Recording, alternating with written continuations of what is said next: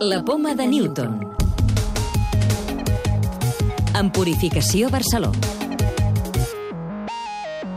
L'equip internacional de científics amb presència catalana que ha produït algues en situació similar a la de l'espai portarà l'experiment a l'Estació Espacial Internacional l'any que ve i dediquem el reportatge central d'aquesta setmana. També us parlarem de les proteïnes de les cèl·lules i ens traslladarem a l'inici dels continents.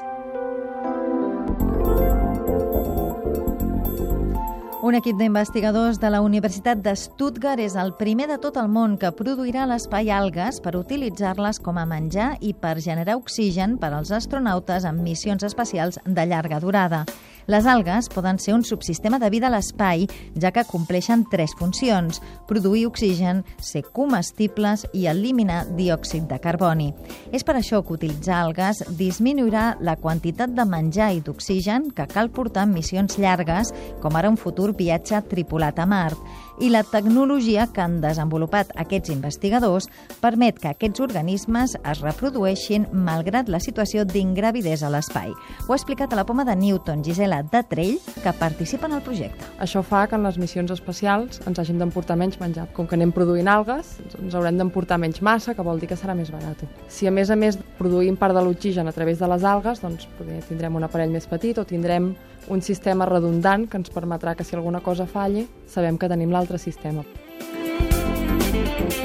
Un dels subsistemes de l'experiment s'encarrega d'absorbir l'oxigen que es va produint. El diòxid de carboni el anem aplicant en un espai tancat, que és on hi ha l'aire, diguéssim, de l'experiment, i en anem extraient l'oxigen. Quan arribem a cert nivell, doncs engeguem que l'aire circuli i hi ha, hi ha un sistema que absorbeix aquest oxigen. El tipus d'alga que cultivem són uns organismes unicel·lulars molt petits i estan flotant, i de fet el que tenim nosaltres és com un líquid verd. Aquest líquid verd nosaltres el fem circular. El fet d'estar a l'espai no tenim una circulació natural, sinó que la fem moure amb una bomba. Per tant, d'alguna manera és com si les algues no ho veiessin que estan a l'espai, en quant a la, la falta de gravetat. El projecte es portarà a l'Estació Espacial Internacional a principis del 2018. Més coses. Una recerca liderada per l'Institut de Recerca Biomèdica de Barcelona ha permès veure per primera vegada en 3D el funcionament de les proteïnes dins de les cèl·lules. L'estudi publicat a la revista científica Cell fa possible entendre millor el mecanisme d'actuació de les proteïnes i detectar-ne les possibles disfuncions. Ho explicava Oriol Gallego, és investigador principal de l'estudi. El que hem fet és desenvolupar la tecnologia que ens permet veure per primera vegada el motor de la cèl·lula, són les proteïnes ara aconseguim veure aquestes proteïnes en 3D i a més a més podem veure mentre estan fent la seva funció.